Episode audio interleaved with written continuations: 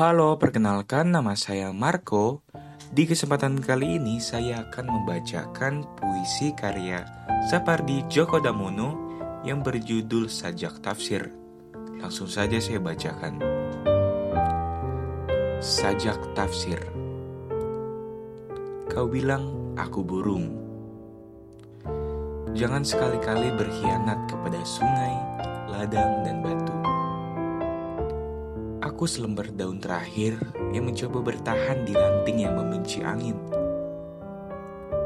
Aku tidak suka membayangkan keindahan kelebat diriku yang memimpikan tanah, tidak mempercayai janji api yang akan menerjemahkanku ke dalam bahasa abu.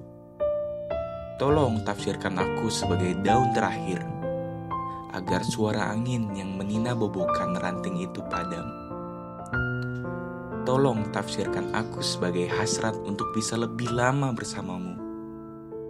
Tolong ciptakan makna bagiku.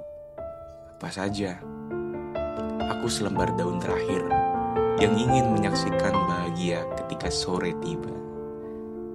Begitulah puisi karya Sapardi Djoko Damono yang berjudul Sajak Tafsir. Terima kasih telah mendengarkan podcast ini dan jangan lupa untuk terus podcast. Sampai jumpa di lain waktu.